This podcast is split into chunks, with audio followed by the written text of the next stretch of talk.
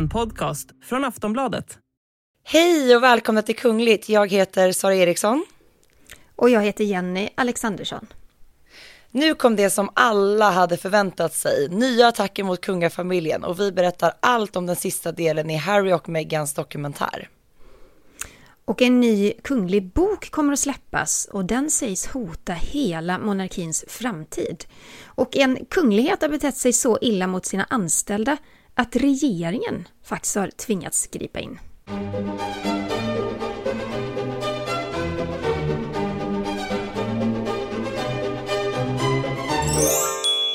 Ja, ni förstår ju vad vi ska avhandla i det här avsnittet och vi kastar oss rätt in i Harry och Meghans omtalade dokumentär som faktiskt heter Harry och Meghan på Netflix.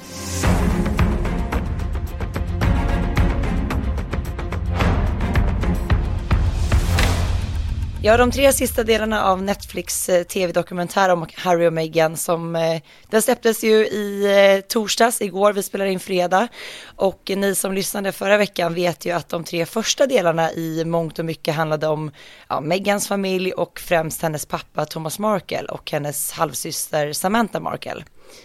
Ja, men det var ju de två som fick de största smockorna av paret.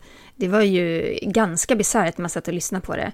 Eh, Tom, eh, Thomas Markle för att han sålt bilder på sig själv till brittiska tabloider och Samantha Markle för att hon talat så illa om Meghan i pressen. Och förutom det så låg ju faktiskt fokus mest på parets kärlekshistoria och sen var det ju en massiv kritik mot brittiska tabloider. Ja, det var det verkligen. Men i de här eh, nya tre delarna då så är det ju faktiskt Harrys familj som är mer i fokus och då främst Harrys pappa kung Charles och hans bror prins William. Och vi ska ju inte avslöja för mycket om serien för att vi vet ju att det är många av er som väldigt gärna vill se den. Eh, men en av sakerna som framkommer i de här tre sista delarna är ju ja, men vad som egentligen hände när kungafamiljen samlades till det här krismötet i Sandringham i januari 2020. Ja, det var ju efter att Harry och Meghan hade fattat beslutet om att lämna det brittiska kungahuset. Men det återstod ju så otroligt mycket att klara ut. Harry och Meghan hade ju bara släppt ett uttalande på sitt Instagramkonto där de klargjorde vad de ville. Men kungahuset hade inte sagt sitt. Och det var ju ändå så att man hade aldrig tidigare varit med om att en kunglighet eller ett kungligt par lämnat det här kungliga livet på det här viset.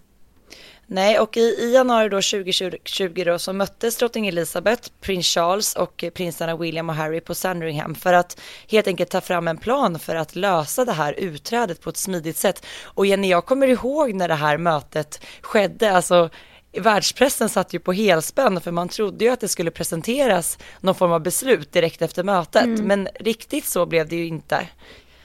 Nej, och det blev ju allt annat än smidigt. Och för första gången nu då så berättar prins Harry exakt vad som hände bakom stängda dörrar. För det var nämligen så att Harry fick fem alternativ att välja mellan. Och ett handlade om att han och Meghan lämnade kungahuset helt och hållet. Och de andra fyra handlade mer eller mindre om att de stannade kvar på olika sätt. Men inget av de här alternativen handlade om att jobba deltid för kungahuset, för det var ju det som Harry och Meghan egentligen ville. De ville ju ha det kungliga när de kände för det och så ville de ha det privata och tjäna egna pengar när de kände för det. Men det där avfärdade ju familjen totalt. Det fanns ja, inte ens med. Nej, det fanns inte ens med och det är så tydligt tycker jag i de här tre sista delarna att eh, de vill ju verkligen framföra sin önskan att de, som du säger Jenny, ville vara kvar och representera framförallt då drottningen och samväldet när det, när det passade dem, men att de verkligen hade en önskan om att leva mer i, ja men i skymundan och eh, framförallt flytta ifrån Storbritannien. Mm. Ja, och de andra de ansåg ju att Harry och Meghan måste ju välja, de måste ta ett beslut antingen ställa sig helt utanför kungahuset eller stanna kvar då på heltid. Och det var en hel del mycket starka känslor under mötet. Och vi lyssnar lite på hur Harry upplevde det här krismötet på Sandringham. But once I got there, I was given five options. One being all in, no change. Five being all out.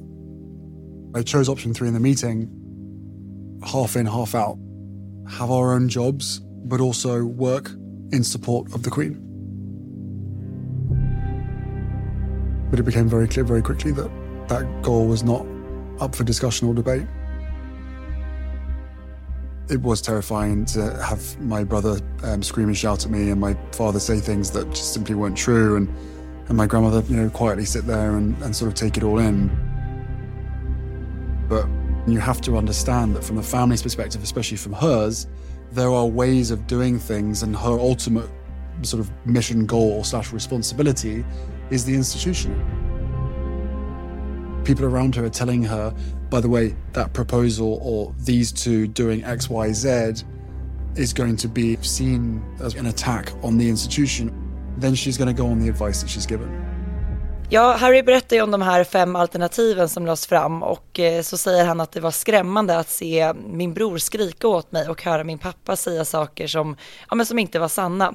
Och han berättar ju att eh, farmor drottning Elizabeth bara satt tyst och såg allt det här hända. Men Harry försvarar ju sin farmor och menar att det enda hon var tvungen att ha ansvar för var ju institutionens överlevnad. Eh, han är desto mer kritisk mot sin, mot sin far och sin bror. Ja, men han säger i dokumentären att det var jättejobbigt och att det här mötet då avslutades utan någon riktig handlingsplan, så att det, det blev ju ingenting av det.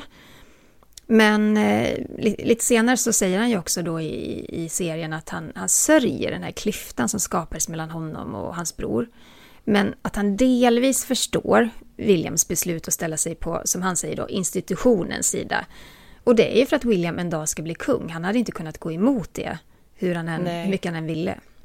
Men tänkte du också på det Jenny, att när, när Harry berättar om sin brors ilska och att han hade blivit upprörd så jag tycker i alla fall personligen att han pratar lite om sin brors inställning på ett ganska så nedlåtande sätt i att han har blivit så pass tvättad av det här kungliga att han lite så här ja. såg bortom brödrarrollen om man kan kalla det så, att han var för hård tycktes, alltså så uppfattar jag Harrys känslor kring det här mötet.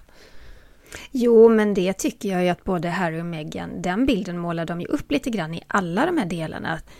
Att mm. eh, de som ingår i kungahuset och monarkin, att de är lite en del av en sekt på något vis. Mm. Att de är så indoktrinerade och de är så färgade av att för allt i världen skydda monarkin. Så att ja, de kanske blir mer de tenderar att gå mer på att hålla riktigt hårt på, på regler mer än att vara mänskliga. Ja, och jag tänkte också på det, för Harry säger ju en del i dokumentären, då säger han så här att de bryr sig mer alltid om hur det ser ut än hur det känns. Det tyckte jag var ganska så tydlig känga mm. gentemot kungafamiljen och precis det som du nämnde. Men... Ja, och sen hände det någonting ganska tufft för Harry när han hade lämnat det här mötet. För att i samma sekund då som han ska flyga tillbaka till Kanada, där Meghan och sonen Archie väntar, då skickar kungahuset ut ett pressmeddelande. Det var nämligen så att en tidning hade börjat rapportera negativt om det här mötet. Och speciellt om prins William, som man då menade mobbade ut Harry och Meghan ur kungahuset. Och det här pressmeddelandet, det gjorde gällande att båda bröderna förnekade att så var fallet. Men grejen är att Harry var ju aldrig tillfrågad om det var så som han kände eller om han ens ville vara en del av det här uttalandet. Och vi lyssnar lite på vad han sa om det här pressmeddelandet. And once I got in the car after the meeting I was told about a joint statement that had been put out in my name and my brother's name squashing the story about him bullying us out of the family. a sign of public unity from the brothers, who issued a joint statement calling the report false, offensive, and potentially harmful. I couldn't believe it. No one had asked me, no one had asked me permission to put my name to a statement like that. And I rang Em and I told her, and she burst into floods of tears because within four hours they were happy to lie to protect my brother. And yet, for three years, they were never willing to tell the truth to protect us. Och prins Harry berättar att han ringde hem till Meghan och att hon började gråta då för att eh, prinsen konstaterade att inom fyra timmar så hade ja, men, hovet och kungafamiljen eh, fabricerat en lögn för att helt enkelt skydda prins William. Och samtidigt hade ju Harry och Meghan i tre års tid aldrig fått en sån hjälp för att skydda dem som par och Eh, Harry anser att hovet var enormt dåligt på att hantera mediernas attacker mot honom och Meghan. Och både Harry och Meghan berättar ju att de levde i en skräck under den här perioden när liksom sociala medier fylldes av hat och hot och ja men att det helt enkelt var, ja men Harry och Meghan insåg att de måste lämna kungahuset och lämna Storbritannien. Ja, det var nog spiken i, i kistan för dem tror jag. Att de insåg att eh, de hade förstått ganska länge att hovet inte skulle skydda dem och absolut inte skydda Meghan. Men Nej. att de kunde då ta till den här metoden att ja, men faktiskt ljuga ihop ett pressmeddelande. Om det nu stämmer jag... det som Harry, Harry säger. Ja, om det stämmer så är det ju väldigt märkligt att man, alltså det ser ut som att Harry själv är en del av det, fast han inte ens har blivit tillfrågad. Så det är ju en väldigt speciell och ganska tuff handling att gå i försvar mot William utan att ens har kommunicerat det med Harry. Men det är ju då, det är ju då det här behovet som kungafamiljen, kungahuset, hela institutionen, det här behovet som de verkligen har då att skydda det mot vilket pris som helst, det får kosta vad som helst, bara de skyddar monarkin. Mm. Och då spelar det ja. ingen roll för att det är en människa som sitter i kläm eller den människans känslor, utan då, då gör man bara det man måste göra. Ja, Harry och Meghan ger ju inte direkt en glorifierande bild av hur kungahuset har hanterat hela deras situation egentligen ända sedan eh, ja, de förlovade sig. Utan mm. det är ganska tuffa tag som kommer fram i den här dokumentären. Ja, och det är inte bara kungahuset man attackerar utan det är också medierna återigen. De tre första delarna var ju en otrolig smocka till eh, brittiska tabloider. Man fortsätter på det spåret för att nu i de här tre, tre sista delarna så för Harry fram mycket allvarliga anklagelser mot The Daily Mail. Och det handlar om ett missfall. Det var nämligen så att Megan hade svårt att sova. Hon oroade sig över familjens säkerhet när det här näthatet eskalerade. Och dessutom så var hon då mitt uppe i en juridisk tvist med tidningen då Mail on Sunday som olovligen publicerat ett privat brev som hon skickat till sin pappa och det tog väldigt mycket av hennes krafter. Och Megan var som sagt gravid, men hon förlorade det här barnet i ett missfall. Och Harry anklagar då Daily Mail för att ha orsakat det här missfallet. Ja, han resonerar kring att han inte kan veta med säkerhet, men att all den här stressen och oron som Meghan upplevde kommer ifrån alla de här kontroverser med mail. Och eh, vi kan väl lyssna lite på vad Meghan upplevde och kände under den här perioden. And I'm a mom. It's my real life. You know, and that's the piece when you see it and you go, you are making people want to kill me. It's not just a tabloid. It's not just some story. You are making me scared. Right? And like that night, to be up and down in the middle of the night looking down my hallway, like, are we safe? Are the doors locked? Is security on? Is everything? That's real. Are my babies safe?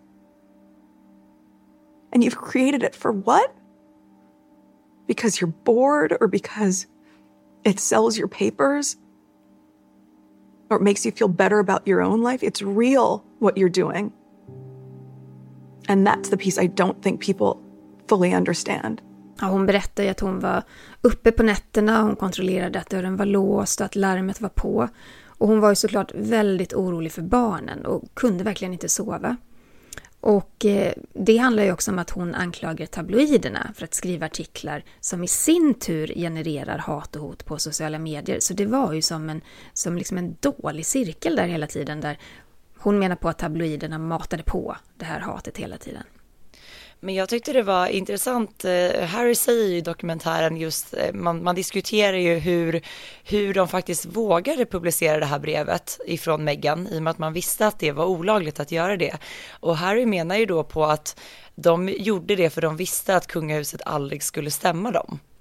Och det blev ju också så. De berättade ju det här att, att kungahuset, att Meghan ville och bad om hjälp om att liksom dra igång en rättsprocess kring det här, men att hon inte fick något stöd ifrån, ifrån hovet och att Harry och Meghan istället fick vända sig eh, till en egen advokat som fick ta tag i det här ärendet. Och, eh, och på något ja. sätt så kan ju aldrig Harry och, och Meghan vinna den här fighten för att eh, Daily Mail vet ju då att nej, kom, vi kommer aldrig bli stämda för det här.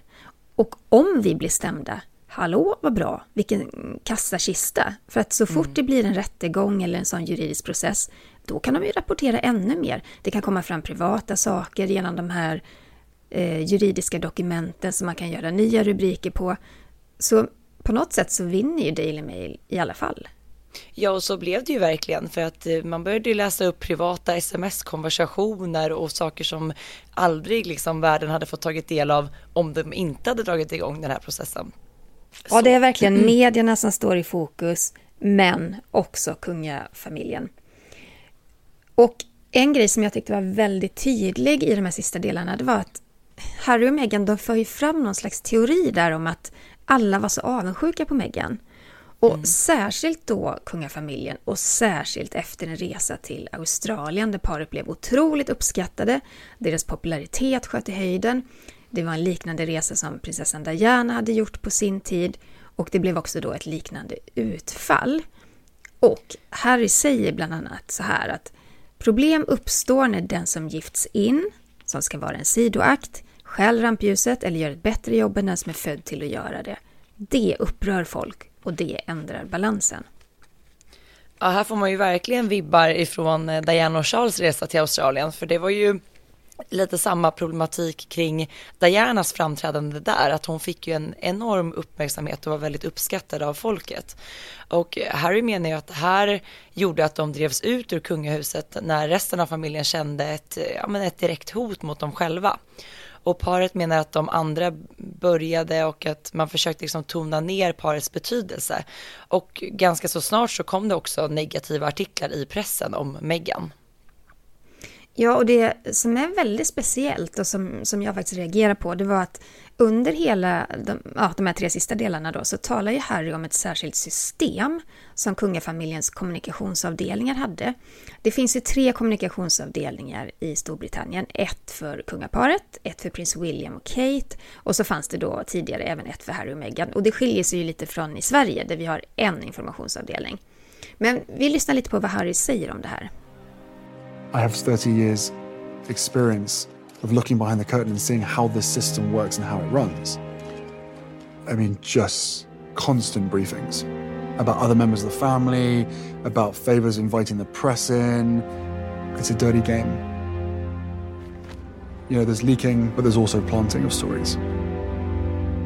So if the comms team want to be able to remove a negative story about their principal, they will trade and give you something about someone else's principle. So the officers end up working against each other. It's a kind of a, this weird understanding or acceptance that happens. And you can always say, I didn't know about this, or don't be ridiculous, this would never happen. I would never, are you suggesting that I condone this? It's like, no. But what I am asking is, have you done anything to stop it? And the answer is no.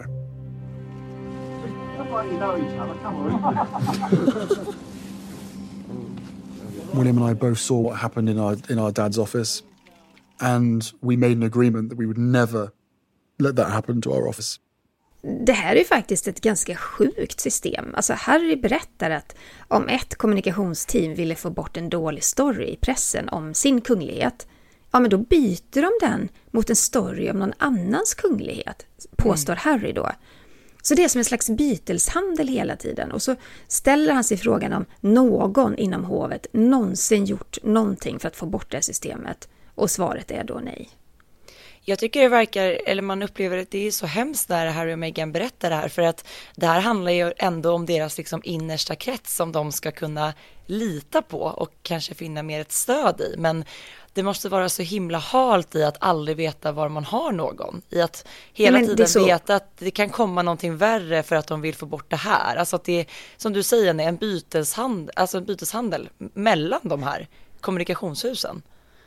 Ja men det är så cyniskt. Varför slår man bara inte ihop det till, till ett enat, en enad informationsavdelning som, som liksom har, skapar en enad bild utåt? För det här är fruktansvärt. Ja, och jag tänker, borde inte grundinställningen vara att man alltid vill gott för ja, men, medlemmarna av kungafamiljen och för hela institutionen? För alla de här storiesarna och, och ryktespridningen, det skapar ju såklart också dåliga vibbar gällande monarkin som institution.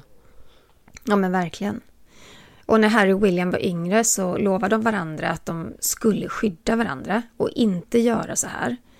Men Harry menar då att William bröt det löftet, eller rättare sagt hans Williams kommunikationsavdelning, indirekt William, och att det krossade då Harrys hjärta. Och de här hoten och hatet som, som skapades hela tiden då, ja, det var ju det som drev på parets beslut att, att lämna kungafamiljen. Och Meghan säger ju det väldigt, väldigt talande också i slutet att jag insåg att jag inte bara kastades åt vargarna, de matade vargarna med mig. Det är ja, ganska det är ju, starka ord. Det är väldigt, och det är ju många sådana här starka ord under de här avsnitten tycker jag. Eh, Megan berättar ju även att hon hade väldigt skrämmande tankar om att hon inte ville leva längre. Och hon säger bland annat att allt det här skulle sluta om jag inte var här. Och Megan berättade ju för första gången om de här självmordstankarna vid den här intervjun hos Oprah. Men i den här dokumentären då så berättar hon kanske lite mer djupgående om varför hon kände som hon gjorde och även hennes mamma är ju med och intervjuas och eh, ja, men hon säger ju att det är inte lätt för en mor att få höra det och jag kan ju inte skydda henne. Och jag tycker det verkar alltså så fruktansvärt hemskt att, att drivas till de här tankarna på grund av hur man skrev och vad hon utsattes för. Ja, och sen hade hon ju hela den här biten som Kate och Diana aldrig utsattes för, just den här rasistiska delen, den som var så otroligt krossande på något sätt. Att eh, man liknade henne vid en apa vid något eh, tillfälle. Alltså det var så vidriga saker och mm. som speciellt då fyllde sociala medier. Men också vissa tabloider skapade ju rubriker som handlade om just det här. Hennes mixade bakgrund och Alltså man fick så vibbar av att det var ah, rasistiska undertoner även i medierna. Mm. Men prins Harry han hade det ju också tufft för han berättade att han var helt förkrossad. För han fattade på något sätt att, eller han förstod inte att det skulle vara så illa. Och han säger också då att han kände sig arg och skamsen och att han hanterade det som prins Harry och inte maken Harry. Och menade på att han hade tränats då att tänka att åh nej, hur kommer folk reagera om inte vi kommer och hur kommer det se ut? Och det har han ju varit otroligt arg på sig själv över. För att han inte tog det som hennes, ja, med hennes livskamrat och hjälpte henne liksom som hennes partner, hennes man. Utan istället ja. då kom tillbaka till de här, de här liksom tankarna kring hur ser det ut utåt? Hur är det på ytan? Ja, han är ju väldigt tydlig. Han säger ju att när han ser tillbaka på hur, hur han hanterade den här situationen så säger han att han hatar sig själv för hur han gjorde. Och en annan detalj i allt det här är ju att Megan berättar att hon bad om hjälp och liksom yttrade att hon behövde få prata med någon. Men att hon menar då att hovet satte stopp för det och att hon inte fick tillåtelse till det. För att de då snarare oroade sig för hur hur det skulle se ut utåt ifall att hon gick till exempel och pratade med en psykolog. Och prins Harry menar ju att hovet var väldigt medvetna om hur illa det var, men att de åter svarade med det här som, som vi hörde redan i de första avsnitten med att alla andra gått igenom det här, så varför kan inte hon göra det? Att... Men det sjuka här är ju, tycker jag, att eh, här skulle Harry bara gått in och kanske men han hade kunnat ringa någon av sina kontakter och bara, men vem är den bästa psykologen att hjälpa oss? Vem kan vara mest diskret? Och bara få ett namn. Alltså mm. det är lite så handlingsförlamande också tycker jag att eh, för Megan kan jag förstå om hon var så under isen att hon inte orkade ta tag i det här själv. Visst, jag förstår det. Men då får väl Harry steppa upp. Ursäkta mig, men alltså så handlingsförlamad kan man ju inte vara. Men det är ju säkert därför också han känner de här skuldkänslorna som han yttrar i att han faktiskt inte har agerat på ett bra sätt i den här situationen som var så pass allvarlig att hon att Meghan inte ville mm. leva längre. Och eh, han, Harry själv säger att familjen ansåg att det var någonting fel på Meghan istället för att se felet i den här omgivningen som de allihopa är en del av. Och han säger så här att när man kunde vänta sig stöd från sina närmaste så fick vi motsatsen.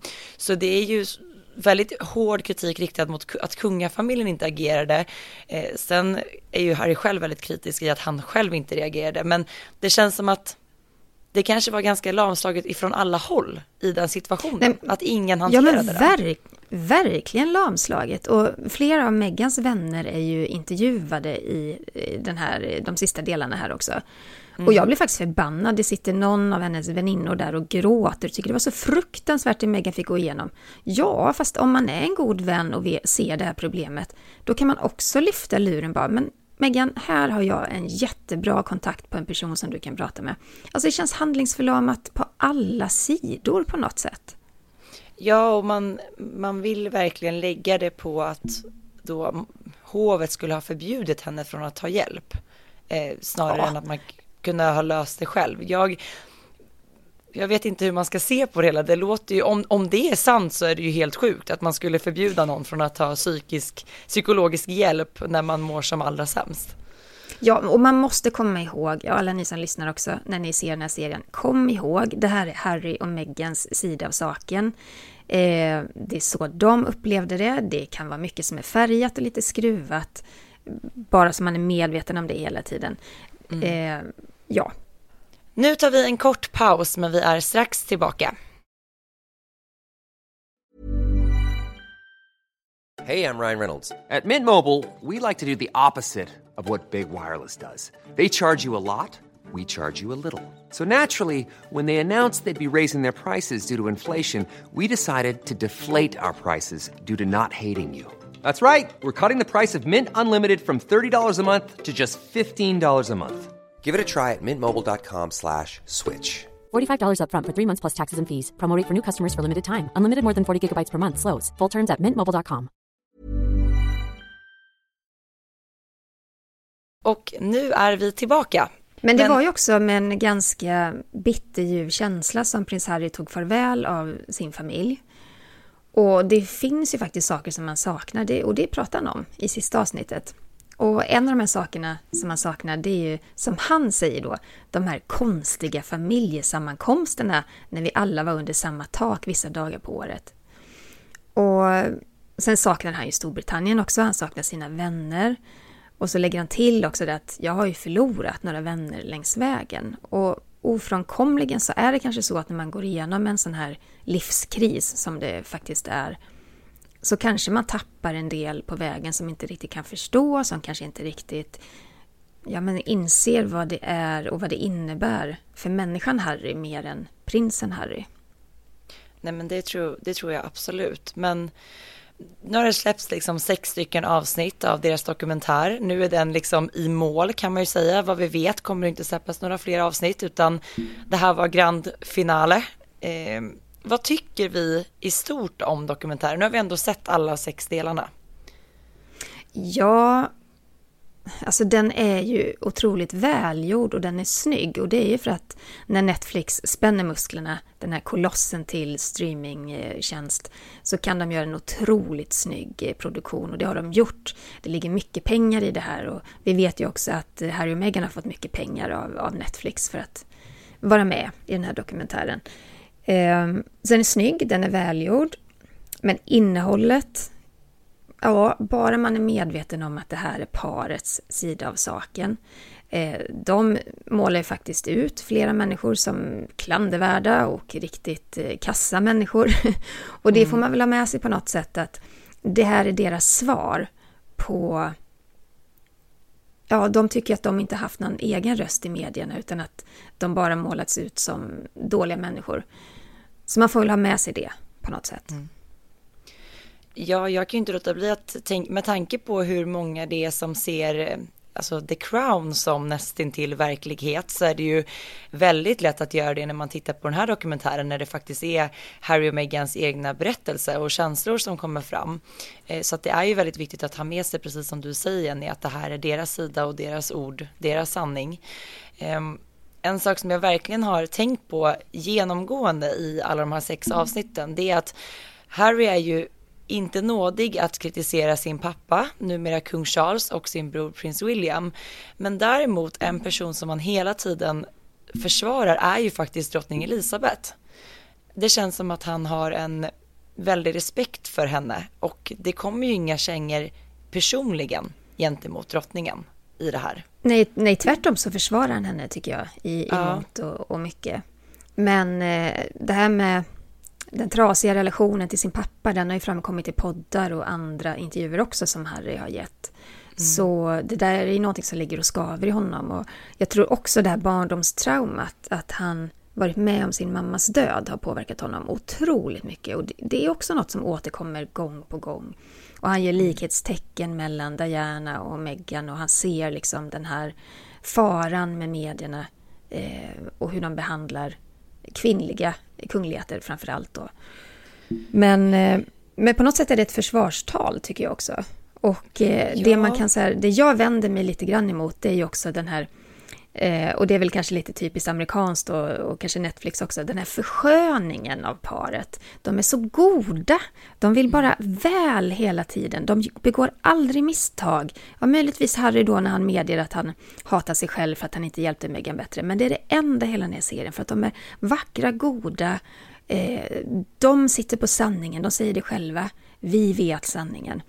Och mm. på något sätt så hade jag nog, jag hade nog tänkt att om de bara vågade visa sina egna fel och brister lite här och där så hade det blivit en helt annan dokumentär som man kunde ta på mycket större allvar tycker jag. Men ja, jag eh, håller med. Det, det blir inte riktigt så. Ja, jag, jag, tycker det känns som att hela, alla de här avsnitten känns som att de vill på något sätt bli förlåtna över deras agerande. För att omvärlden har ju ändå sett på deras handlande väldigt kritiskt, särskilt hela grejen hur de kommunicerade att de ville backa via Instagram och så vidare. Och här får ju de verkligen ge sin sida av det hela, att, så att man ska förstå att det inte skedde. Han vill ju också, eh, Harry lägger ju till hela tiden att jag skulle aldrig vara så respektlös gentemot min farmor. För det är ju precis så som diskussionerna har, har gått sedan dess, att man tycker att det var respektlöst gentemot henne. Ja, oh ja, absolut. Eh, sen förra podden så har jag fått eh, flera mejl som, som liksom ställer frågan till mig så här, eh, ja men det märks att du inte tycker om Harry och Meghan. Men, men då måste man också komma ihåg att jag är journalist, mitt jobb är att vara kritisk. Och mm. jag är inte någon som bara helt sväljer med hull och hål, hull och hår, eh, en bild som målas upp av ett amerikanskt eh, gigant inom streamingtjänster. Utan man måste också ha det här andra ögat med sig. att Kan man se någonting annat i det här och man måste vara medveten om att eh, vad man än tycker om Harry och Meghan, vad man än tycker om William och Kate, bara ha med sig det här att det är en bild som målas upp.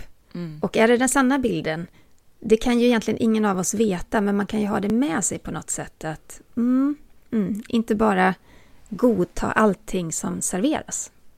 Nej, och någonting som liksom lite puttrar igenom hela tiden tycker jag är också det här att eh, Meghan pratar ju gärna om monarkin, dess historia och eh, alltså, som institution. Lite så här, hon gör lite narr av det tycker jag. Eh, I oh, det här ja. med när hon liksom behövde niga för drottningen och hur hon visar hur hon gjorde. Det är liksom lite så här som att hon skämtar om det för att hon tycker det är patetiskt. Och de pratade i de här delarna om bröllopsfesten, att hon behövde skära upp tårtan med ett svärd. Och det här irriterar ju också väldigt många, ska sägas, i att man, hon pratar på ett väldigt nedlåtande sätt, som att hon inte respekterar deras traditioner och mm. hur det fungerar i stort. Så det blir ju lite en, ett slag och jag tycker att det gör också att man tappar lite trovärdighet. För det här ilskan och irritationen över hur det har fungerat så länge och fortfarande fungerar, det, det, liksom, det sipprar igenom. Ja, men det gör det. det. Det håller jag med dig om. Det gör det. Men jag tänkte fråga dig Jenny, för att när, man, när vi tittade på den här igår så pratade de ju om bröllopet och då säger ju paret då att det fanns en förväntan om ett officiellt bröllop. Eh, rätta mig gärna om jag har fel, men vi satt ju och bevakade det här bröllopet, du och jag, och visst var det en diskussion gällande kortegen? Att man gjorde den längre än vad det var tänkt från början, fast det var en väldigt dyr säkerhetskostnad. Jo, jag minns att det var mycket rapportering kring det. Sen vet jag inte om det någonsin kom något officiellt från hovet kring det här. Jag minns inte det längre. Men... Nej, inte jag eh, heller, men det känns som att vi pratade mycket om det och att det var någonting som diskuterades. Eh, jag tyckte bara att den kontrasten gentemot att de verkar ju som att de ville ha ett privat bröllop från, från början i den här serien. Så att det är ja. lite dubbla, dubbel, dubbelspel emellanåt. Jo, men det är det ju. Och det var det även i den här Oprah-intervjun där, så där blev ju Meghan påkommen med flera konstigheter och osanningar. Bland annat så påstod hon ju att de hade gift sig några dagar innan själva vigseln. Och så var det Ja, inte. Där fick det. ju ärkebiskopen gå, upp, gå ut och säga att nej men det här stämmer inte. Men, eh, men jag tänker på en sak som Harry och Meghan verkligen har rätt i. Och det är ju det att det var så många som hade stora förhoppningar när Meghan gifte in sig i kungafamiljen. Eh, hon var ju, alltså att komma med en mixad bakgrund och, och med lite fart och fläkt och hon hade ju faktiskt kunnat på något sätt modernisera och förnya kungahuset på sitt sätt. Hon hade kunnat vara en väldigt omtyckt länk till flera länder i samväldet. Och, för man såg att hon togs emot väldigt, väldigt positivt i, i många av de här, ja men i Karibien och afrikanska länder och sådär. Och det tror jag faktiskt kungafamiljen och kungahuset har förlorat en del på för att jag tror att om det hade funkat bra så hade hon kunnat vara någonting nytt, friskt och förnyande inom kungahuset. Och det Ja. har ju faktiskt eh, brittiska monarkin förlorat nu. Ja men verkligen, särskilt när vi ser ju nu hur allt fler länder, ja men vissa har valt att lämna eh, samväldet och det pågår ju diskussioner i flera länder runt om. Eh, så där tror jag absolut att Meghan hade varit väldigt viktig. Eh, men Harry och Meghan menar ju att just hennes popularitet i de sammanhangen eh, ansåg man ju då hotade hovet, alltså inom familjen, att det var en bidragande faktor. Ehm, jag menar, vad, hur tror du att så här, den här dokumentären påverkar brittiska monarkin i stort? Jag menar, den har ju fått enormt stor uppmärksamhet världen över och eh, det är väldigt många som har tittat på den. Jag märker ju bara det bland mina vänner och bekanta att nästan till alla har faktiskt sett den här dokumentären om Harry och Meghan nu. Alltså, Vet du vad, Sara? Jag tror att den kortsiktigt kommer få många att eh, ställa frågor om monarkins vara eller icke vara. Men i långa loppet så är det ändå så här, den kommer inte förändra någonting överhuvudtaget. Den brittiska monarkin är en koloss. Det är en, alltså med tusenåriga traditioner och det har alltid funnits där. Det är klart att det har skakat lite nu när drottning Elizabeth är död. Hon som liksom i över 70 år var regent och, och en sammanhållande stark kraft. Det är lite skakigare nu med kung, kung Charles. Men nej, den här dokumentären kommer inte förändra någonting. Inte i det långa loppet. Den kan röra om i grytan lite just nu, men that's it. Ja, jag tänkte bara på, det var ju så starka ord där från eh, deras vän som faktiskt, ja men kallade, de han jämförde ju brittiska hovet med en kvinnomisshandlare. Alltså i att hur de styrde och försökte kontrollera Harry och Meghan. Eh, så att bilden som ges av monarkin är ju absolut inte bra och eh, kan ju absolut, alltså blir ju väldigt ifrågasatt. Men som du säger Jenny, i det långa loppet kommer det förmodligen inte att ta skada. Nej. Men det är inte bara dokumentärer som kan skaka om Buckingham Palace.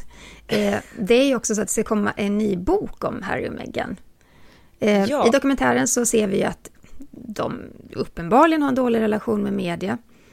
Och eh, ja, tabloiderna har fått sig några kängor. Men en journalist som de faktiskt verkar gilla och som har stått paret ganska nära hela tiden, det är ju Omid Scobie. Och han skrev ju en bok som heter Finding Freedom, som handlar om paret och om deras uttåg från kungahuset. Eh, vi har talat om honom i podden flera gånger tidigare och eh, han skrev ju den här boken tillsammans med Caroline Durans. Ja, boken gavs ju ut i augusti 2020 och eh, ja, men det är ju en ganska så glorifierande berättelse om parets beslut då att lämna kungahuset. Och innan boken gavs ut så marknadsfördes den som svaret på varför paret valde att lämna kungahuset. Och eh, Omid är ju väldigt nära vän till Meghan och innan den här boken publicerades så tydliggjordes det att paret inte hade något med den att göra. Men senare så framkom det ju att Omid hade intervjuat paret när de fortfarande befann sig i Storbritannien och att boken på så sätt hade accepterats av Harry och Meghan och då gav en verklig bild av deras situation. Ja, och det kom ju också fram i den här rättsprocessen med, eh, var det Mail on Sunday eller ja, eh, Associated Newspapers, där förlaget blev ju stämt av Meghan för att de publicerade det privata brevet hennes pappa. I den Ja. processen så kom det också fram att eh, Jason Knauf, som var parets kommunikationschef, han var ju en länk mellan Omid Scobie och Harry och Meghan. Så man kunde ju också läsa mejl och sms om hur Harry och Meghan säger, ja men ge honom den här informationen och ja, vi vill inte bli eh, officiellt förknippade, men, men säg det här och det här till honom. Så det mm. fanns ju en kommunikation där hela tiden ju. Ja, och även Megans halvsyster Samantha Markle stämde ju Meghan för förtal, dels på grund av detaljer i den här boken om att hon då skulle ha växt upp som ensam barn och det var ju samma berättelse som Meghan delade i intervjun hos Oprah och Samantha Markle stämde ju Meghan för påståendena både i boken och i intervjun hos Oprah. Eh, men efter att den här boken publicerades så sa Omid i en eh, intervju med Town and Country att han hade några saker på gång men att nästa bok skulle komma att vara lite mer lågmäld och skulle inte handla om kungligheterna. Men han verkar ju inte ha släppt det här ämnet för nu är han ju aktuell som sagt med en ny bok och eh, den heter Endgame och kommer att handla om insidan av kungafamiljen och monarkins kamp för överlevnad. Och han har då sagt att den kommer att avslöja kaoset och familjens dysfunktion och att ja, boken kommer i augusti nästa år. Ja, och den här boken ska tydligen då riva ridån för en institution i kris. Och Omid menar att hans bok den kommer hota monarkins framtid. Det är ganska starka ord att säga om sin egen bok. Men den här, den här gången då så skriver Omid Scopey själv, han är ingen medförfattare. Och då kommer den fokusera mycket på tiden efter drottning Elisabeths död, alltså den här lite kaotiska, kaotiska perioden för Harry och Meghan. Och det är då kung Charles första tid som kung. Och eh, han säger så här. Drottningens död demonterade den skyddande skölden runt världens mest kända familj och en förtroendekris började snabbt att uppstå. Men det är inte den enda boken som på något sätt attackerar brittiska monarkin utan det kommer ju även Harrys egen självbiografi att göra. För den släpps ju nu i början av 2023. Egentligen skulle den ha getts ut i höstas men så sköts ju utgivningen fram då på grund av drottning Elisabeths död. Och eh, boken på svenska heter Den andre, på engelska heter den Spare. Och då påstår man då att nu ska prins Harry sårbart och ärligt berätta om hur livet och kärleken alltid övervinner sorgen. Och det är klart att vi kommer läsa de här böckerna Sara, så är det ju. Ja, Men jag kan också känna mig så lite mätt på, det vart så mycket kungliga böcker nu, den ena efter den andra skulle avslöja det ena och det andra. Och jag vet inte om det blir så mycket mer än bara en rörig soppa av det hela. Nej, och särskilt nu när de har valt att ge ut den här Netflix-dokumentären, för den är ju det är liksom sex timmar eh, Harry och mm. Meghan perspektiv. Så man undrar ju lite då vad som kommer att framkomma i den här boken, framförallt då Harrys självbiografi som vi inte redan har hört. Eh, jag förstår att planen från början då kanske faktiskt var att släppa boken innan dokumentären i höstas, men som sagt, man fick ju skjuta fram den eh, på grund av drottningens död. Men eh, det känns som att de har sagt, de har talat till punkt nu. De har ju fått berätta hela sin story. Eh, så att det ska bli intressant att se vad som framkommer i, i den här boken. Ja, ja men verkligen. Om det blir fler bråk i hovet ja. eller inte. Eh, det finns ett annat bråk vid ett annat hov som vi också ska prata om. Mm. Storhertiginnan Maria Teresa av Luxemburg, hon har betett sig mycket illa mot en anställd vid hovet. Och det är faktiskt inte första gången som storhertiginnan gör på det här viset. Och det är en kvinnlig medarbetare som har hamnat i storhertiginnans fokus. För hon och Maria Teresa, de ska hamnat i ja, men någon slags verbal diskussion eh, som blivit ett gräl på något vis. Man får inte veta så mycket detaljer. Och storhertiginnan då ska ha varit otroligt oförskämd mot den här anställda. Och det har då skapat oerhört starka reaktioner. Troligtvis för att det har hänt flera gånger tidigare. Ja, vi har pratat om det här flera gånger Jenny, eh, tidigare här i podden, just den här eh, infekterade situationen bakom slottets väggar och att hon ska ha behandlat personal eh, illa vid flera upprepade tillfällen där. Luxemburgska medier de beskriver situationen som så infekterad att premiärminister Xavier Bettel tvingats ha ett allvarligt samtal med hovmarskalk Paul Dyr om händelsen i början av november. Och Jacques Flis, som är regeringsrådets generalsekreterare, han har fått i uppdrag att reda ut det här problemet. Och eh, Jacques Flis han säger då till tidningen Let's Burger Land att detta sätt att hantera sin personal på är oacceptabelt. Men som sagt, någon mer detaljerad beskrivning kring exakt vad som har hänt eller vad som har sagts eller vad man har bråkat om, det har ju inte då allmänheten fått.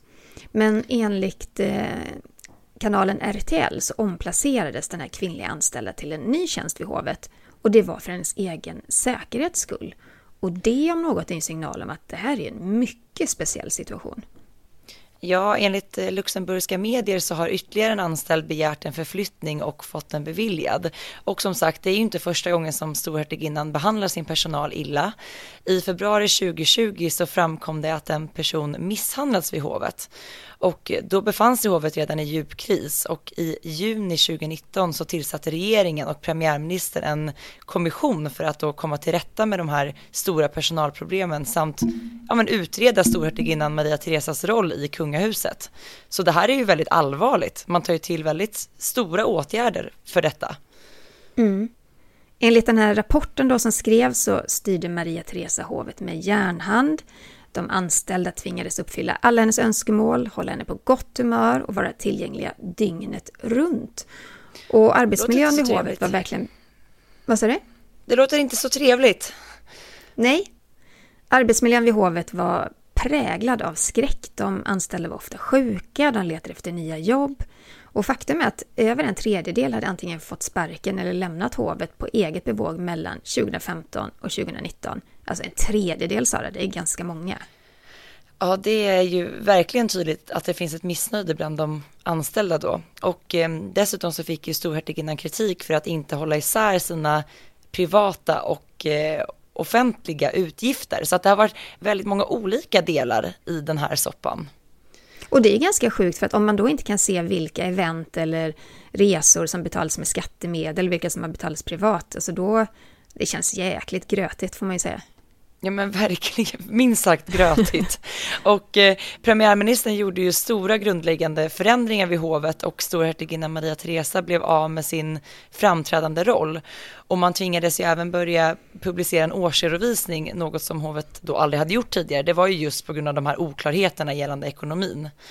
Så att det har varit många turer med henne under åren.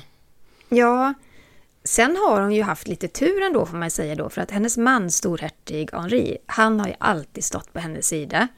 Och han publicerade faktiskt ett öppet brev, jag tror det här var runt 2020 eller om det var lite senare, där han då uppmanade alla att sluta mobba Maria Teresa. Och så gav han även en intervju då till franska Paris Match där han kritiserade regeringens beslut att radera storhertiginnans roll, som han då sa.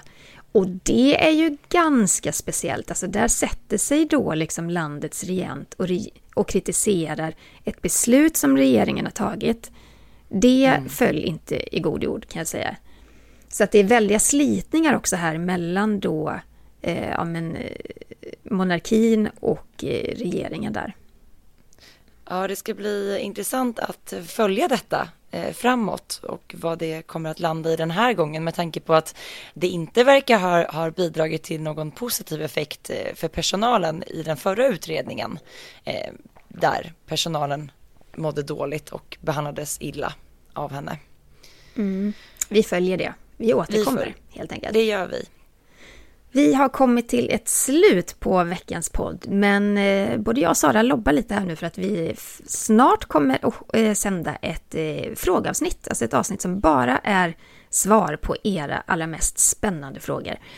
Har du en fråga om monarkier, kungligheter, kläder, diadem, vad du än vill, mejla till Aftonbladet. Nej, det ska du inte alls göra. Du ska mejla till kungligt snabela aftonbladet.se. Vi snubblar alltid på den där mejladressen du och jag, varenda gång. Ja. Men och vill du följa oss? Ja, förlåt. Ja. Gud, nu är jag så snurrig. Det är för att man inte ser varandra. Så att Nej, det är jättejobbigt. Vill du ha dagliga kungliga nyheter så kan du följa oss på sociala medier. Vart finns du, Sara? Man hittar mig på Instagram och på TikTok under namnet Royalistan. Och var hittar man dig, Jenny? Eh, främst på Instagram. Jag har ett TikTok-konto men jag är inte jätteaktiv där så sök på Instagram kungligt med Jenny. Tack snälla Tack. för att ni har lyssnat. Vi hörs snart igen. Hej då! Hej då!